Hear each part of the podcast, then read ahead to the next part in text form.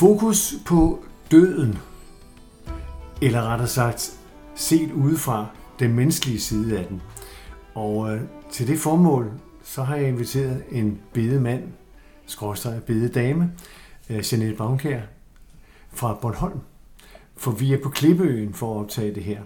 Og det er jeg af en speciel grund, fordi det er et lille område med 40.000 mennesker, og der er fire øh, begravelsesforretninger, og det vil sige, at der hele tiden, kan man sige, aktivitet. Jeanette, velkommen til Tak. at tale om døden. Fordi er der nogen, der ser noget til døden, så er det vel sådan en som dig. Vi andre hører om det, men ser det ikke. Hvordan reagerer du, når du kommer ud til en død? Jamen det tager jeg sådan set meget afslappet. Fordi at øh, hvis man ikke kan tage det sådan rimelig afslappet som bedemand, så, øh, så har man jo et problem med det, og så skulle man nok have valgt en anden levevej.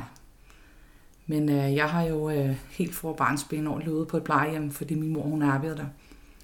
Så, øh, så for mig var døden øh, en del af livet helt fra, fra jeg var helt lille år.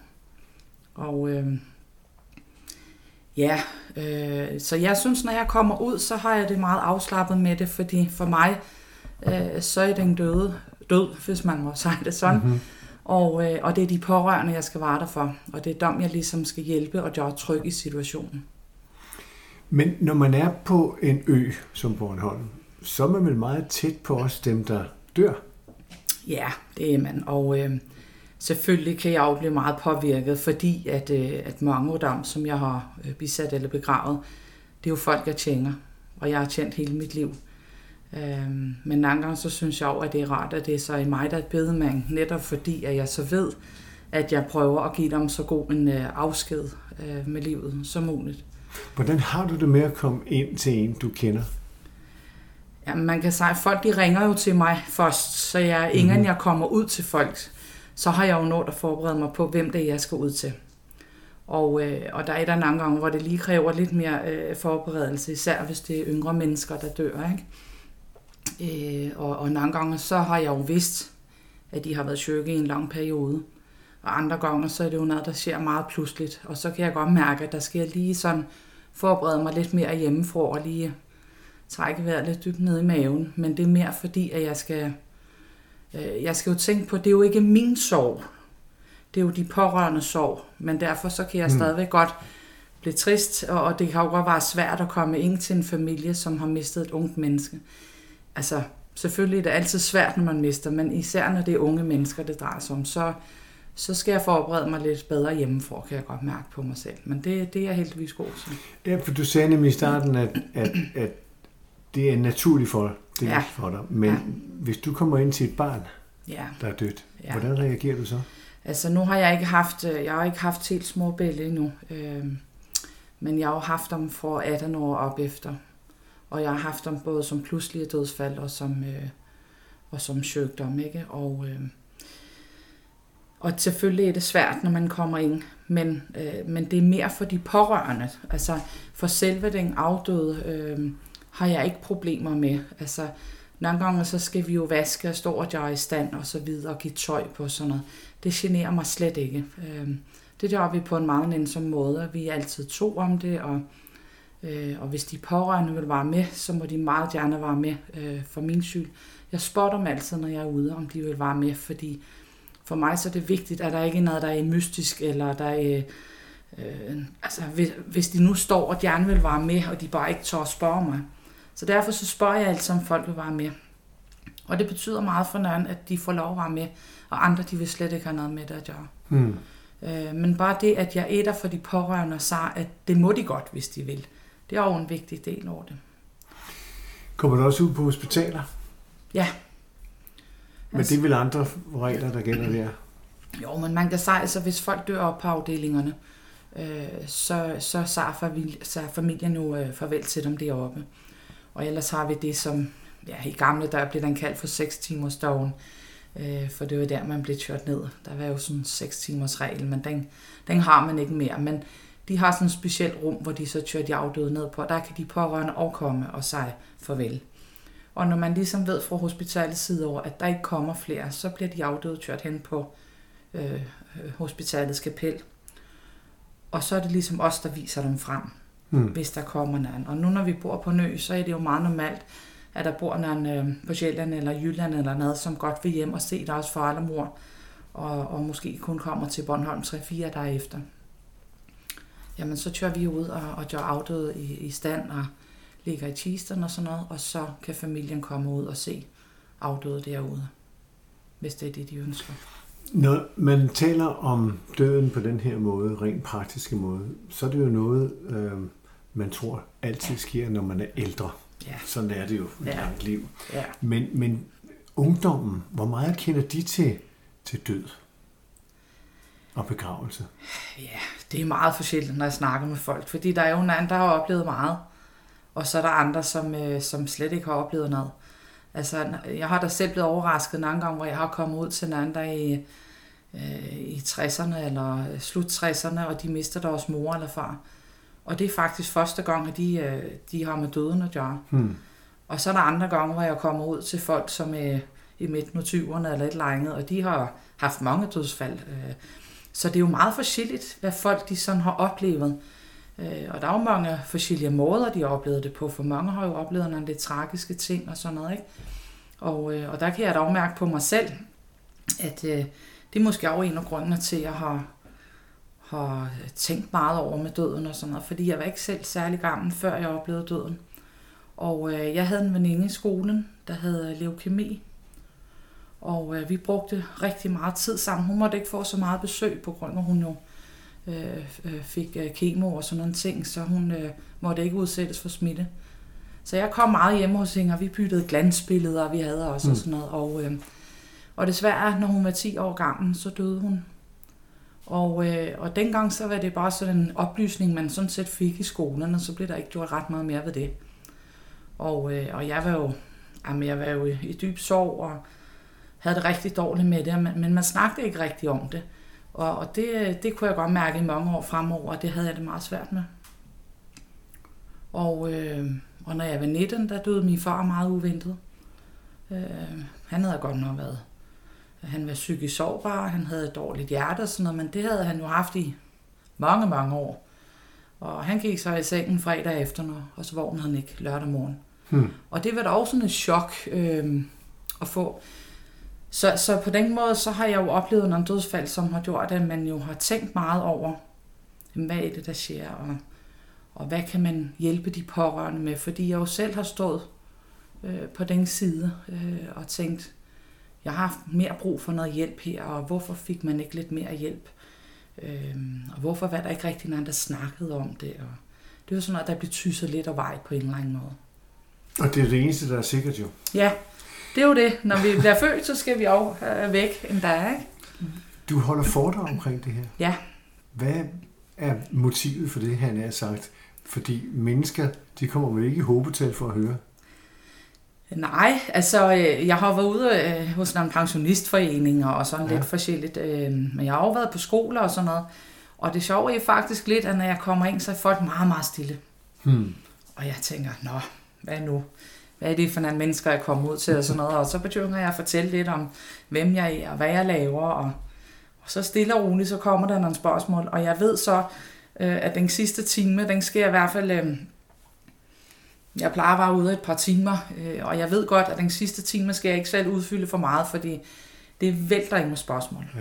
om alt muligt. Fordi når folk først kommer i gang med at snakke om døden, så bliver det på en eller anden måde øh, lidt lovligt at snakke om det, og man må godt snakke både om følelser og praktiske ting og sådan noget. Mm. Og lige pludselig så vælter det en med alle mulige spørgsmål om, må man godt det, og dengang min far døde sådan, og dengang min mormor døde, så gjorde vi sådan, og øh, folk, har, folk dør både hjemme, og de dør på hospitaler, og folk de dør øh, et andet sted i landet, og så der er jo rigtig mange historier.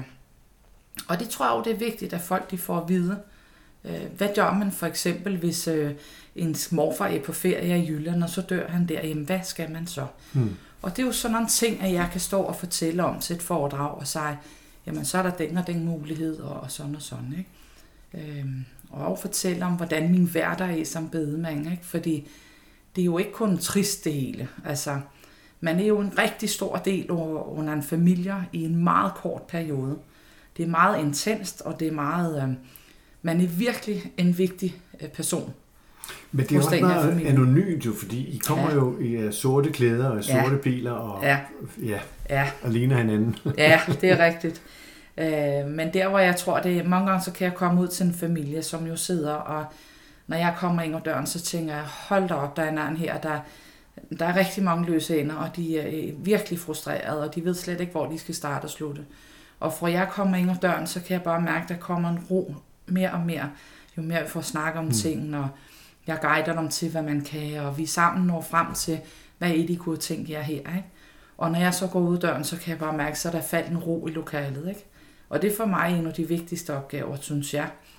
Øh, Det er at, at, at samle op på de pårørende, og sådan, så de får den afsked, som, øh, som de synes vil være i afdødes ånd, blandt andet over. Ikke? Mm. Så det vil sige, at du holder foredrag for unge på skoler, og du gør det for ældre. Jamen, altså, jeg gør det jo for folk, der har Ja. interesse i at høre om det. Ikke? Øhm, Hvad, men- hvad er typiske spørgsmål? Jamen, øh, blandt andet så, men jeg tror det er, fordi vi bor her på Bornholm, hvor vi, øh, hvor vi er et øsamfund, ikke? Altså, mm-hmm. det er jo det der med at, at især blive strødt over havet. Må man godt det, og, og hvordan og hvorledes, ikke? Og det er der rigtig mange, der bliver herover. Jeg tror, det er, fordi vi har et tæt forhold til havet. Og så samtidig så er der rigtig mange pårørende, der ikke længere bor på Bornholm måske.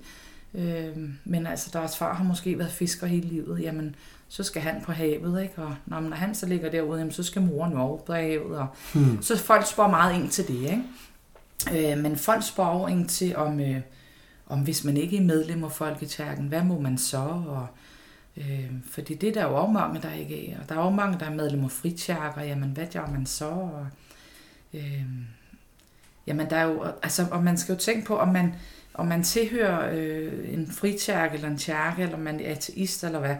Så mig som bedemand, jeg skal jo rumme alle. Og jeg skal jo guide alle hen til det, de gerne vil. Og det er også vigtigt for mig, når jeg kommer ud og holder foredrag. Så jeg fortæller sådan set aldrig, hvordan, øh, hvordan min egen øh, bevisning om religion, hvordan den er. Fordi at jeg skal være der for alle. Og jeg skal ikke sidde og, og fortælle folk om, om mine personlige meninger angående det. Så der er jeg altid meget neutral, fordi det er vigtigt for mig, at, øh, at de føler sig trygge, og at jeg guider dem hen til det, som de godt vil. Hmm. Sådan lige for at få det her på plads, der er forskel på, om du er medlem af, eller ikke medlem af Folkekirke eller en frikirke. Ja. Hvad indebærer det? Noget økonomi? Øh, ja, blandt andet. Øh, men det har også mest noget med gravsteder, ja. Det har ikke noget med bedemand, for man kan sige, at bedemandspriser øh, er sådan set det samme, om du er medlem Ja. øh, eller ikke er medlem. Men selve gravstedet på kirkegården, det er dyrere, hvis du ikke er medlem af Folkekirken. Ikke? Men kan man overhovedet komme ind i en folkekirke og blive begravet, hvis man ikke er medlem? Nej, det kan du så heller ikke. Altså, men her på Bornholm, der kan man jo så lege sig ind på Rønne Kapel. Mm-hmm. Øh, det er et kirkeligt rum, fordi det er indvidet øh, med både døbefond og, og alt og det hele, så man kan bruge den, hvis øh, Sankt Nikolaj Kirke er nedlukket. Ikke? Øh, men man kan lege lokalet, hvis man ikke er medlem af Folkekirken. Mhm. Mm-hmm. Øh, så det er jo så lidt økonomi der, men der kan man jo så og, og se, at øh, hvis man ikke har været medlem af, af Folkekirken hele livet, og ikke betalt sin kirkeskat, så er det vel fair nok, at man betaler lidt leje til lokalet derude, hvis man så skal kan man bruge det. lege en kirke til det?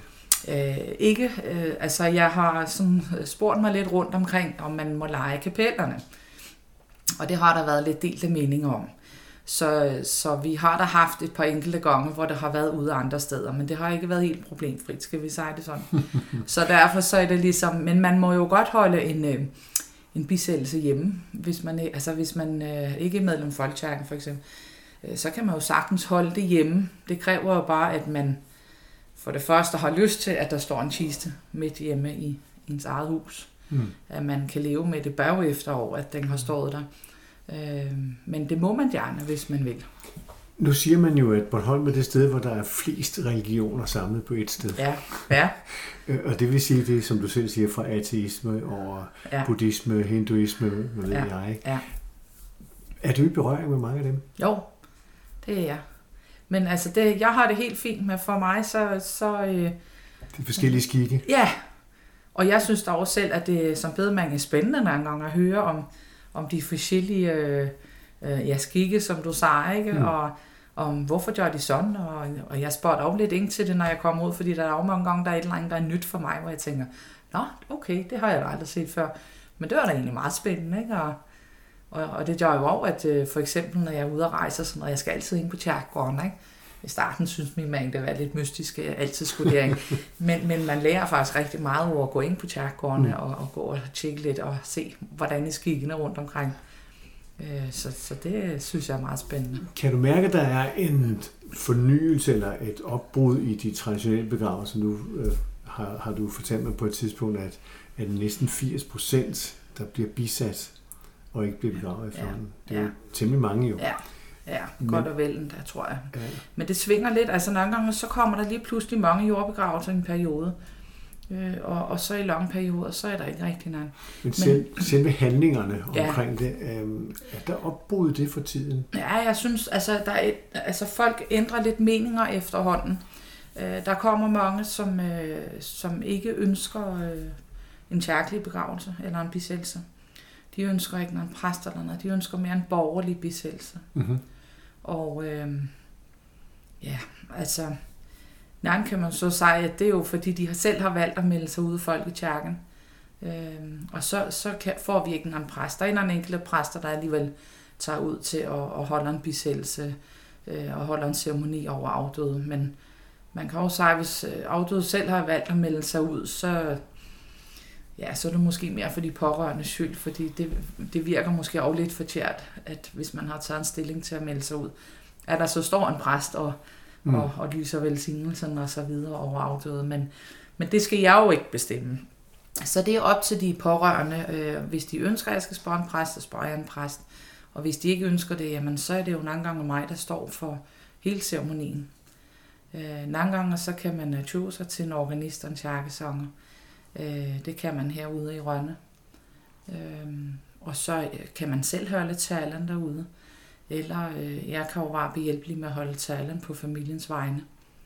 Øh, det har jeg efterhånden gjort en helt del gange. Så de kommer med, at du får dessiner af dem omkring deres liv? Ja, ja. Det gør jeg. Og så ud fra det holder jeg en tale øh, i stedet for præsten. Mm. Ikke? Mm. Øh, men det er jo fordi, at pårørende mange gange selv får berørte til at rejse sig op. Ja og, og holde en tale. Ikke? Og hvis man så ikke har mulighed for, at der er en præst til stede, så er det jo stadig vigtigt, at man får en god afsked. Øh. Og det var den, vi to kom til at tale om, da vi mødte hinanden. Ja. Øh, fordi der i de senere måneder her har været begravelser, øh, offentlige, øh, Uffe Ellemann Jensen for eksempel.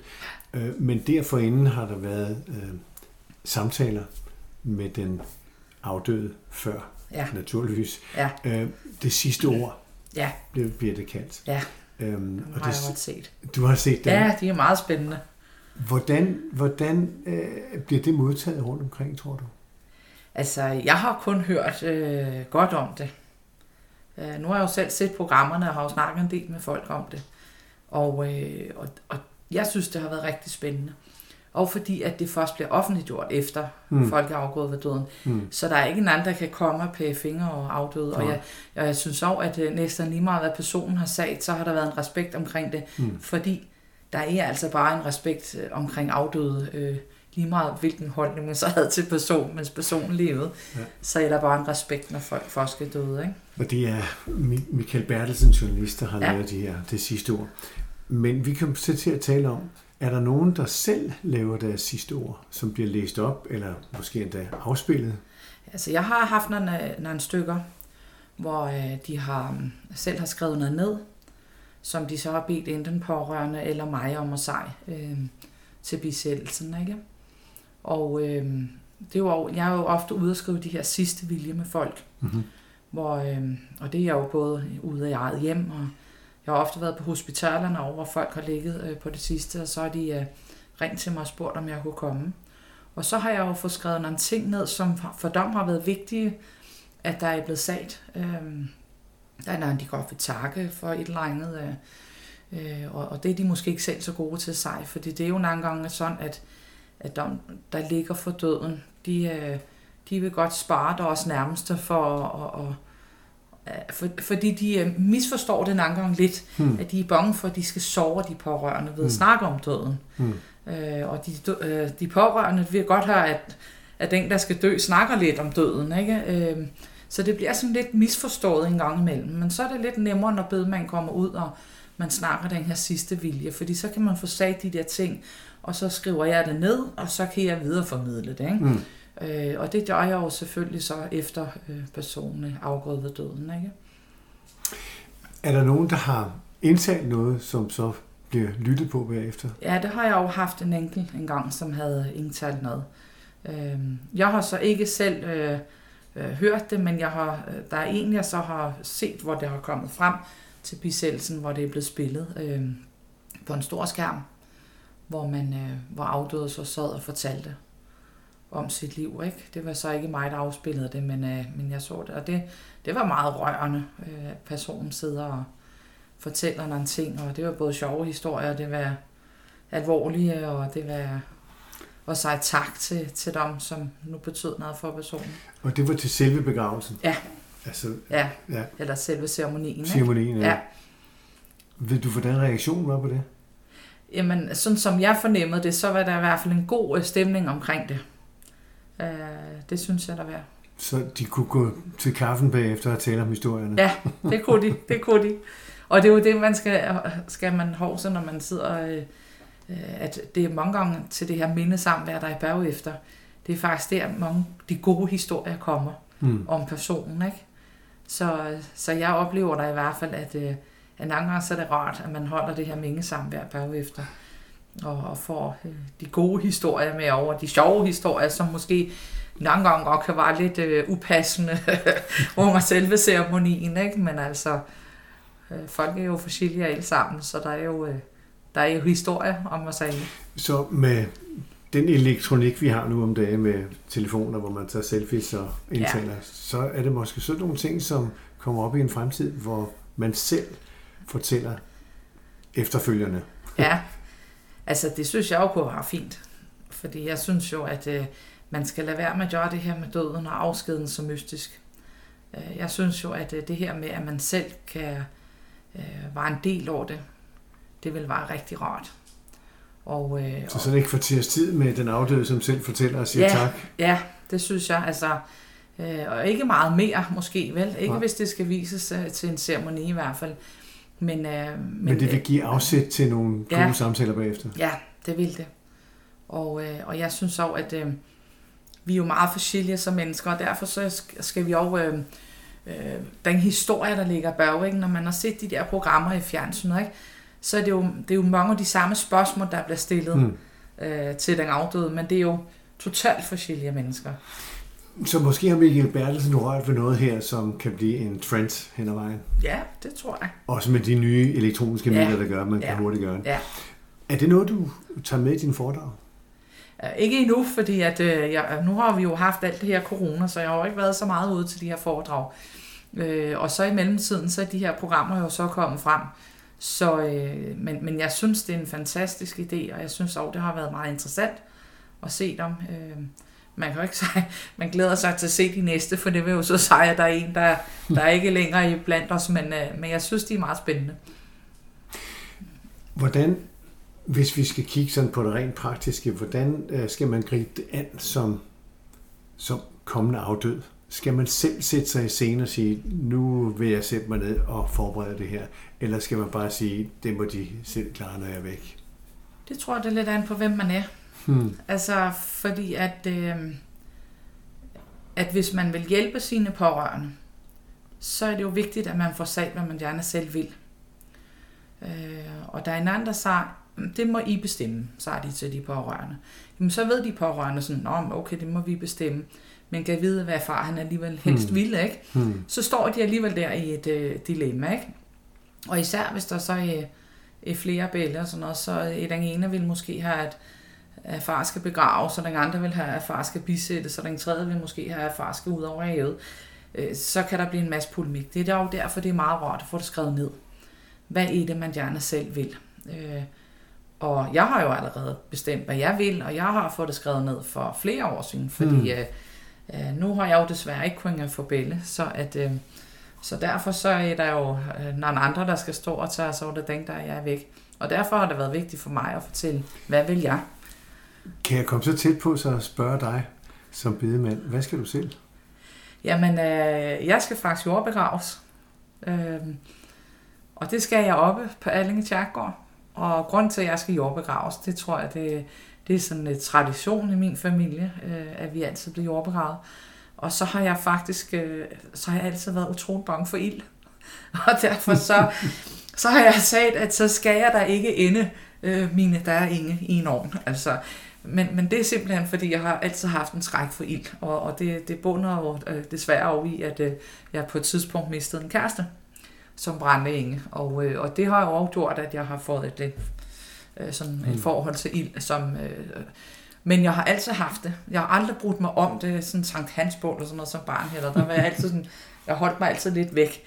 Så, øh, så derfor så jeg sagt, jamen, jeg skal jordbegraves. Og det, det er både en tradition, men det har jo noget at gøre med den her ovnen her. Selvom for mig er det meget naturligt, når jeg kommer ud på krematoriet, ja. som jeg jo selvfølgelig er ret ofte, mm. øh, så er det naturligt nok for mig øh, at komme derned, og øh, så, så det generer mig jo ikke, at andre folk de bliver bisat. Så, øh, Har du så også lagt en orden for, hvordan ceremonien skal foregå? Ja, det har jeg. Og øh, den, øh, den skal foregå nede fra Allinge Kirke, fordi det er der, jeg hører til øh, i det sovn deroppe. Og, øh, og jeg ved godt både, hvad musik jeg vil have, og jeg ved også godt, hvad salmer der skal være. Og øh, det er skrevet ned det hele. Så det ligger tilgængeligt? Ja. Så de ja. efterladte ved, hvor det er? Ja, det er præcis. Så, og gravstedet det er overvalgt. ja. Det vil sige, at bedemanden tager det her seriøst. Ja, det Også i sit eget privatliv. Ja. ja. Øh, det jeg ikke var så god til, det var det der med at få lavet testamente. Øh, jeg er jo gift, men har jo ikke selv øh, født øh, børn, men øh, min mand han har også to. Så vi har jo ligesom snakket om altid, at når jeg kommer ud til folk, så jeg sagde, Hovs nu forlade det der testamente, ikke? I tiden. Hovs det nu. Og det jeg ikke selv fik lavet, det var det der testamente. Men for et par år siden, så fik vi taget sammen. Så nu har vi også fået styr på det. Mm-hmm. Så, øh, og det er jo også en vigtig del af det. Især når der er, nu har jeg ikke en anden børn, men han har jo to, og, og derfor er det også vigtigt, at, øh, at man har styr på den del. Så når nu vi taler om døden i dag, så er det jo praktik, ja. men det er også en ting, vi ved, der kommer. Ja, det er det. Så din anbefaling er simpelthen at tage sammen? Ja, at man får snakket om ting. Man skal lade være med at gøre det så hemmeligt, fordi uh, alle, alle kan snakke om en fødsel og en nyfødt og alt det her. Det er jo meget spændende og sådan noget, men, men døden, det er ligesom om, at det, det er stadig lidt tabu. Man er heldigvis blevet meget mere åben om det, vil jeg sige. Øh, der er jo rigtig mange måder, hvor man snakker om det, der og, og det her med, når jeg var ude og holde foredrag på skolerne, det synes jeg jo, at øh, det er jo lidt sjovt at se øh, forskel på alderen, fordi de helt små, synes jeg godt, det kan være rigtig svært at fortælle om døden, fordi uh, hvad skal man nu fortælle? Ikke? Men, men de har nogle helt naturlige spørgsmål, der kommer. Ikke? Og så har jeg haft rustvogn med, og jeg har haft en kiste med, og de har fået lov at måtte røre og, og rode rundt og se og spørge og sådan noget. Og så kommer man op i en anden klasse, det er måske 7. og 8. klasse, ikke? konfirmationsalderen der. De har jo nogle helt andre spørgsmål, fordi jeg måske har oplevet døden. Øh, hvor de små, de har som regel ikke oplevet det endnu. Så, så det er sådan lidt... Øh, øh, det er lidt spændende, når han kommer ud og så få de her spørgsmål, ikke? Så er det hensynet til de efterladte eller til den afdøde, man skal tage udgangspunkt i? Det er begge dele. Altså, men selvfølgelig øh, vil jeg så sige, at det er den afdøde, der virkelig... Altså, øh, det nytter ikke noget, at man går ind og, og gør modsat, hvad den afdøde ville. Altså, øh, Men skulle den afdøde i virkeligheden mere lytte efter, hvad de efterladte godt kunne tænke sig? Det er jo dem, der skal være der. ja, altså jeg vil sige, jeg har stået en gang, hvor, hvor der var en afdød, der havde sagt, at øh, jeg skal bare ud over havet, fordi så er der ikke noget gravsted eller noget, I skal gå og passe. Øh, og jeg kunne bare mærke, at den her familien havde virkelig behov for et gravsted. Og, og der måtte jeg også ligesom snakke med dem om, jamen, det noget, han har sagt, kun for at I ligesom bare skulle spares for det. Havde han haft noget imod, at I lavede gravsted? Og det mente familien jo ikke, han havde. Hmm. Og, og der valgte vi så at gå med, at familien havde mere brug for et gravsted, end de havde brug for, at han blev spredt over havet. Øh, men hvis han nu havde skrevet det ned, og virkelig havde holdt på, at det var det, han ville, jamen så havde vi jo måttet gå med det. Men i det her tilfælde, der havde familien virkelig behov for et sted, de kunne gå hen. Mm. Og fordi han ikke var blevet så gammel. Øh, så der var, der, var, der var behov for et sted. Så man kan sige, at bedemanden hjælper med at tage den afdøde i hånden og følge den rette på plads, Ja, hvor både familien og den afdøde føler sig trygge. ja. Det, det skal man kunne. Fordi det er rigtig vigtigt, at man hører begge sider. Selvom jeg ikke snakker med den afdøde altid, så øh, altså, nogle gange, så har jeg jo snakket med dem før de dør, ikke? Øh, og der er jo nogle gange, det er lidt sjovt, nogle gange, så kan jeg stå nede i, i kø i, i, i- Netto, ikke? og så kommer der en eller anden og siger til mig, øh, Jeanette, nu skal du lige hovse her, at øh, når jeg engang dør, så vil jeg bare det og det, ikke? øh, og så tænker jeg, "Ej, det er måske ikke det mest passende sted at stå og sådan lige snakke om det. Men det er ligesom, der har de lige haft behov for sig, og så går der måske et par år, og så lige pludselig, så bliver det faktisk aktuelt, ikke? Øh, og der har jeg da haft nogle gange, hvor jeg har kunnet sige til de pårørende, jamen, øh, jeg har altså oplevet det og det. Der er ikke noget, der er skrevet ned og sådan og sådan, men, øh, men den her person har faktisk sagt sådan og sådan til mig. Øh, og det har faktisk været en hjælp til de pårørende, fordi at den afdøde overhovedet ikke har ville snakke om det. Så bare lige sådan en enkelt sætning der, øh, Hmm. den- har kunnet hjælpe på vejen nogle gange. Så dit arbejde er fuldtidsarbejde, Ja, det er det. og du kan lide det. Ja, det kan jeg. Så hvis man vil tage døden i hånden, så skal man tale med dig. Ja, ja, det skal man. Og for at blive guidet til, hvad der er jo muligheder og sådan noget, ikke? Altså, der er jo, der er jo mange muligheder nu. Altså, der er jo selvfølgelig Tjerkegården, og der er havet, men der er jo kommet af skovbegravelsespladsen Mm. nede i Partisbakkerne, ikke? Og den synes jeg dog, den er, det er et godt alternativ til, til det, der er i forvejen. Så det er da rart at, for folk at snakke med bedemænger, så de jo ligesom ved, hvad der er jo muligheder. Men godt, at du holder foredrag, Ja. fordi så kommer de her emner frem, Ja. og så bliver det måske endda mere naturligt, Ja, når man sidder i levende live ja, på alle aldersniveauer og kan Ja. tale om det. ja. Jeanette, tak fordi du delte din viden og din, øh, ja, din omsorg for både de afdøde og de efterladte. Ja, men velkommen.